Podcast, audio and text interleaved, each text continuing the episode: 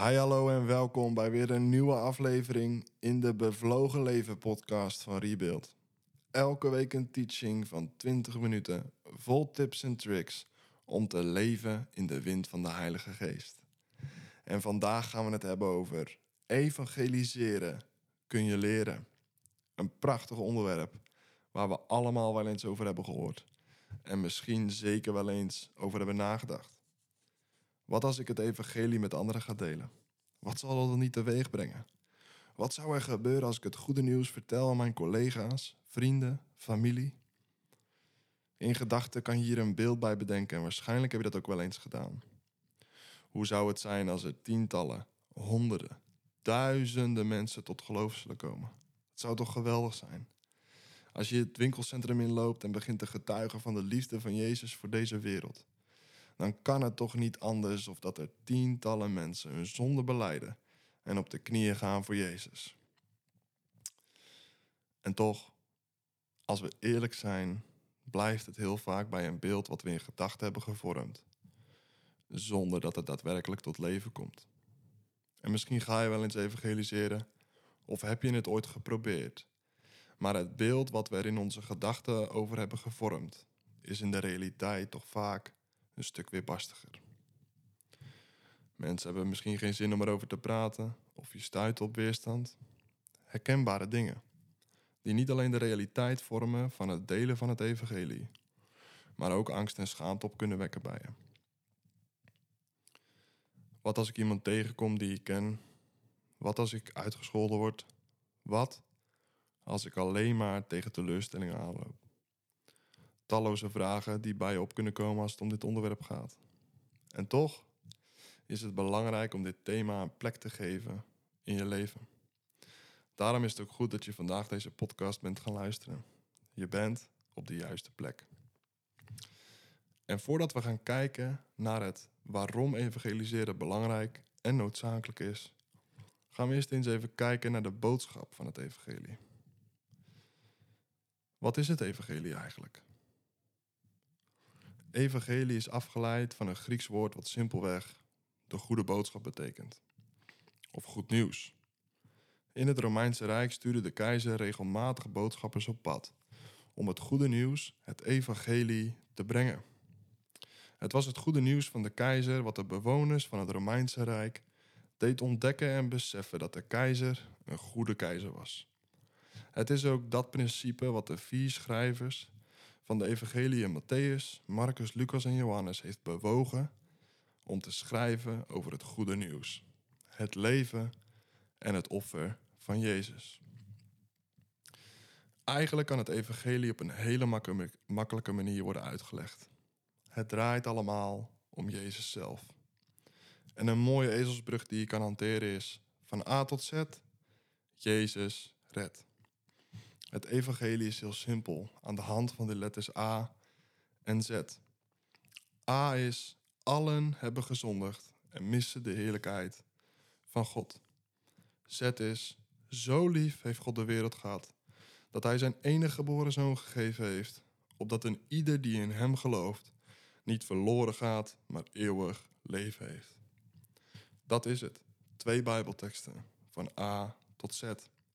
En er zit nog veel meer verdieping in, maar in het kort is dit het goede nieuws. Jezus red. Hoe, hoe ziet dat er precies uit en wat zijn dan de elementen van het evangelie? De eerste belangrijke tekst noemde ik net al.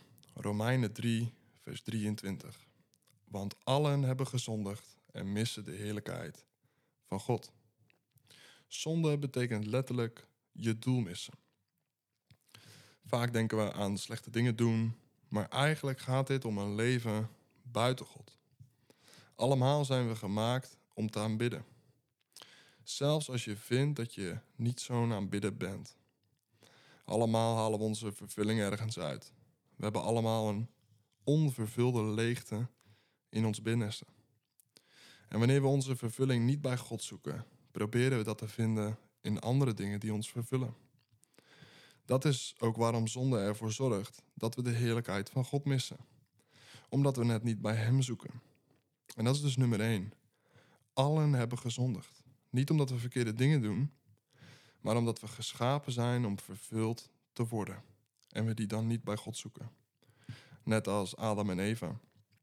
In plaats van te eten van de boom des levens, die in het centrum van het paradijs stond, kozen ze ervoor om het er net buiten te zoeken en te eten van de boom van goed en kwaad. Ze probeerden uit eigen kracht te krijgen wat hen in genade al gegeven was: vervulling. En het gevolg is dat we Gods heerlijkheid missen, omdat we het simpelweg buiten Hem zoeken. De Bijbel zegt op meerdere plekken dat het gevolg van de zonde de dood is. We worden afgesneden van de enige bron van leven. Daarom gaan we langzaam dood. We zijn geen veldbloem meer, maar een snijbloem geworden. Het loon van de zonde is de dood. Iedereen is een zondaar en de prijs voor de zonde is de dood voor iedereen. En het zijn deze twee elementen van de A van het evangelie. Allen hebben gezondigd en allen missen de heerlijkheid van God. Niemand uitgezonderd. Hoe zit het dan met dat uh, goede nieuws? Veel mensen twijfelen vaak om dit gedeelte wat we net bespraken ook daadwerkelijk tegen mensen te vertellen. Het klinkt gewoon niet heel positief. Is het niet beter om direct het goede nieuws te vertellen? En ik weet dat dit verleidelijk klinkt, maar het is absoluut noodzakelijk om dit deel te vertellen. Want als we de impact van zonde afzwakken, zwakken we ook het offer van Jezus af. We kunnen mensen niet de volle waarheid leiden als we ze maar de helft vertellen. We geven ze dan niet het volle evangelie, maar een halfvol evangelie. Uh, laten we eens even kijken naar die tweede belangrijke tekst, Johannes 3, vers 16. Zo lief heeft God deze wereld gehad, dat Hij zijn enige geboren zoon gegeven heeft, opdat een ieder die in Hem gelooft niet verloren gaat, maar eeuwig leven heeft. En dit deel bestaat uit drie elementen. Namelijk één, God heeft ons lief. Twee, hij gaf zijn zoon. En drie, wie gelooft, die wordt gered. De basis van het evangelie is dat God van de mens houdt die hij geschapen heeft. De mens zelf is de kroon op zijn schepping. Het enige wat hij niet formeerde met zijn mond door te spreken, maar waar hij zijn adem in blies. Hij maakte de mens naar zijn evenbeeld. En hij houdt van alle mensen. Zoveel dat hij besloot zijn zoon te geven om de prijs te betalen van de zonde van de mens. Er was namelijk een probleem ontstaan. We zijn zondig en daarom missen we de heerlijkheid van God. Onze zonden staan tussen God en ons in. Maar in Jezus was er de oplossing, het lam van God. Als de prijs van de zonde de dood is, dan is de enige oplossing dat die prijs wordt betaald. En God zelf zond zijn zoon Jezus naar de aarde om in onze plaats aan een kruis te sterven. En zo de prijs voor de zonde te betalen. Hij betaalde de prijs voor ons, die ontstaan was door ons. Er is niks op deze aarde wat het mogelijk maakt om dit op een andere manier te doen. Goede werken betalen de prijs niet. Goede moralen betalen de prijs niet. Zelfs goed zijn voor anderen niet. Alleen Jezus die als lam werd geslacht en in onze plaats stierf. Het derde element van deze tekst is misschien nog wel de meest essentiële. Ieder die gelooft gaat niet verloren, maar wordt gered. Jezus zelf zegt: Wie in mij gelooft, zal gered worden. Geloof het evangelie. Hoe is dat dan mogelijk? Heel simpel. De slotsom van het evangelie is bekering. Als je het evangelie aan wil nemen, kan je je bekeren van je oude leven. En dat betekent niet alleen omdraaien van het oude leven, maar ook juist toedraaien naar de enige die leven geeft, Jezus. De Bijbel zegt: bekeer je en geloof het evangelie. Je kan niet geloven zonder bekering. Om te geloven is er één simpel ding nodig. Roep de naam van Jezus aan en je wordt gered. Als je je bekeert van je oude leven en je omdraait naar Jezus, beleid je dat je Hem nodig hebt als Heer en Verlosser van je leven en zal Hij het geloof in je hart uitstorten. Dat heet ook wel opnieuw geboren worden. Je oude leven, wat onderhevig was aan de zonde en de prijs hiervan, de dood, laat je achter en je ontvangt een heel nieuw leven. Dit is in het kort het evangelie van A tot Z in vijf begrippen. Nummer 1, allen hebben gezondigd. Nummer 2, het loon van de zonde is de dood. We missen de heerlijkheid van God. Nummer 3, al zo lief had God de wereld. God houdt van elke mens. 4, en daarom gaf hij zijn zoon en gaf Jezus zichzelf. En nummer 5, iedereen die gelooft, ontvangt eeuwig leven. Nu je weet wat het evangelie is, kan je het ook gaan uitdragen naar anderen.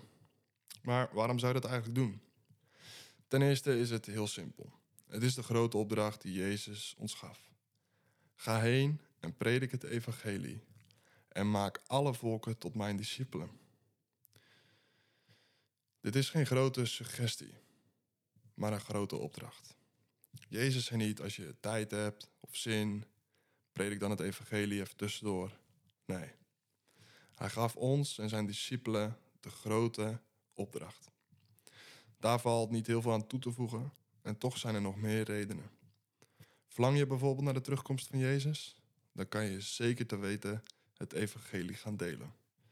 In Matthäus 24 zegt Jezus: Dit evangelie zal in heel de wereld gepredikt worden tot alle volken en dan zal het einde komen. Pas als heel de wereld gehoord heeft van het goede nieuws, komt Jezus terug. En een andere reden is dat je niks de hemel mee kunt nemen, behalve zielen. Iemand zei wel eens: stel je voor dat je opgenomen wordt en je familie, collega's, vrienden kijken je na. En terwijl jij omhoog verdwijnt, roepen zij je na: Jij wist het al die tijd? Waarom heb je het ons niet verteld?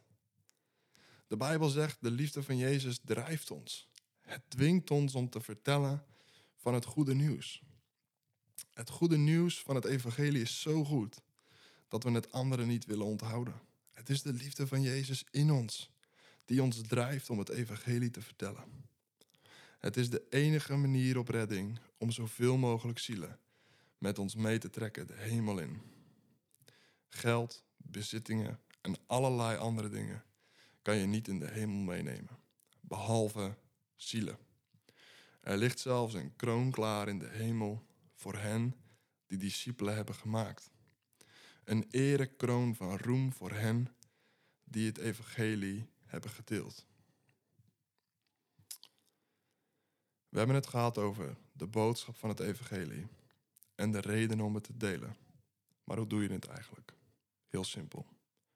Prediken. Paulus zegt tegen Timotheus: Predik het woord, volhard erin. Doe het werk van een evangelist. Een van de sleutel- en basisteksten van Rebuild is Romeinen 8, vers 31. De schepping ziet rijkalsend uit naar het openbaar worden van de kinderen Gods. Ook al lijkt het soms niet zo, ten diepste is de hele wereld op zoek naar God. Op zoek naar vervulling. Zeker in deze tijd waarin de onzekerheid, de ene onzekerheid nog groter lijkt dan de ander. En je ziet dat de wereld op een ramkoers is met zichzelf.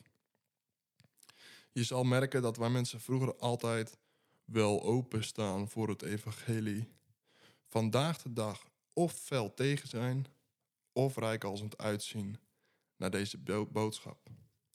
Deze wereld is niet meer grijs, maar wordt steeds meer zwart-wit.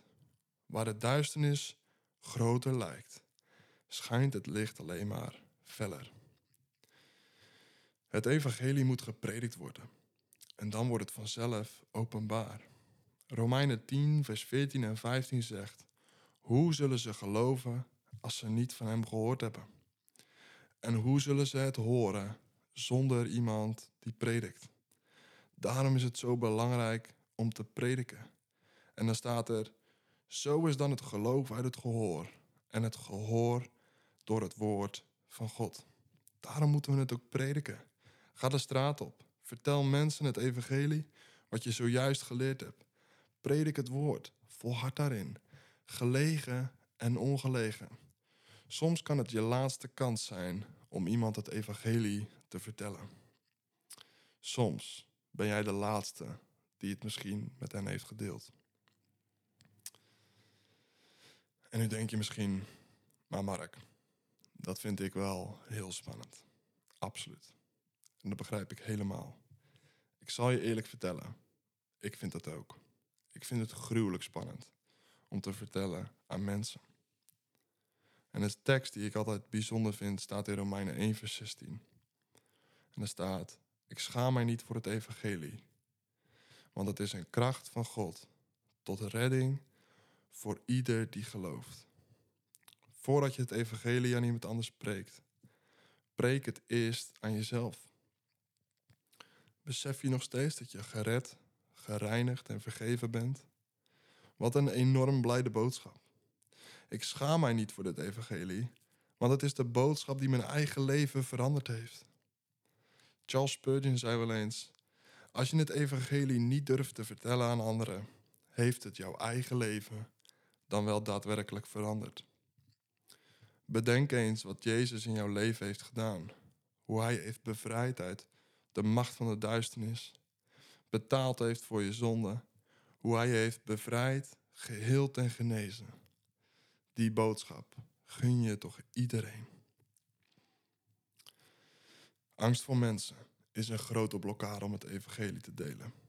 Spreuken 29 vers 25 zegt: Vrees voor mensen spant de strik. Maar wie op de Heere vertrouwt, wordt in een veilige vesting gezet. Je zou het zo kunnen zeggen. Als we vanuit angst voor mensen opereren, vertrouwen we eigenlijk onvoldoende op God. Eigenlijk stellen we de mening van mensen boven God, terwijl we hen juist willen vertellen over zijn grootheid. En dit is super subtiel. Het zijn de kleine gedachten zoals hij zal hier wel niet op zitten wachten. Of ik denk niet dat ze hier nu tijd voor heeft. Het zijn de kleine leugens die ons af willen houden van het brengen van het evangelie. Daarom legt mensenvrees ook een strik. Het leidt ons af van de gehoorzaamheid aan God. De mening van mensen is belangrijker dan de boodschap die we namens Hem mogen brengen. Als we het evangelie delen met anderen, dan mogen we erop vertrouwen dat we veilig zijn bij God zelf. Jezus zelf zegt het als hij de grote opdracht geeft: Ik zal met jullie zijn tot aan het einde van deze wereld. Als we op Hem vertrouwen, dan begeven we ons in een veilige vesting. Dan zijn we veilig in Zijn hand. Dan kan de hele wereld ons uitschelden en haten. Ze kunnen ons zelfs slaan en bespugen. Maar onze ziel en geest zijn veilig in zijn vesting. En dat wens ik je toe. En worstel je nog met angst? Luister dan eens naar de vorige aflevering van de Bevlogen Leven podcast. Angst op de vlucht. Over precies een maand op 11 november zullen we met Rebuild een outreach doen in Rotterdam. Clement van Engel zal er zijn en hij zal training geven over hoe je hierin uh, in uit kan stappen. Welke blokkades er zijn en hoe je kan groeien in het delen van het evangelie. Je kan je aanmelden via de website www.rebuilders.nu. Onder het kopje events kan je zien wat de dag inhoudt en hoe die eruit ziet. En hoe Clement jou mee gaat nemen. En ik bid en wens je toe dat je zal groeien in evangelisatie. En mensen aan de voeten van Jezus mag brengen. Rebuild heeft het verlangen dat Gods koninkrijk zichtbaar en tastbaar wordt in elk facet van het leven in jouw leven. En niet alleen in dat van jou, maar ook in dat van je buren, je familie, je vrienden en je collega's. Wil je meebouwen met Rebuild en ben je benieuwd hoe je dit kunt doen? Kijk dan op www.rebuilders.nu meebouwen. Ik wens je nog een hele fijne dag.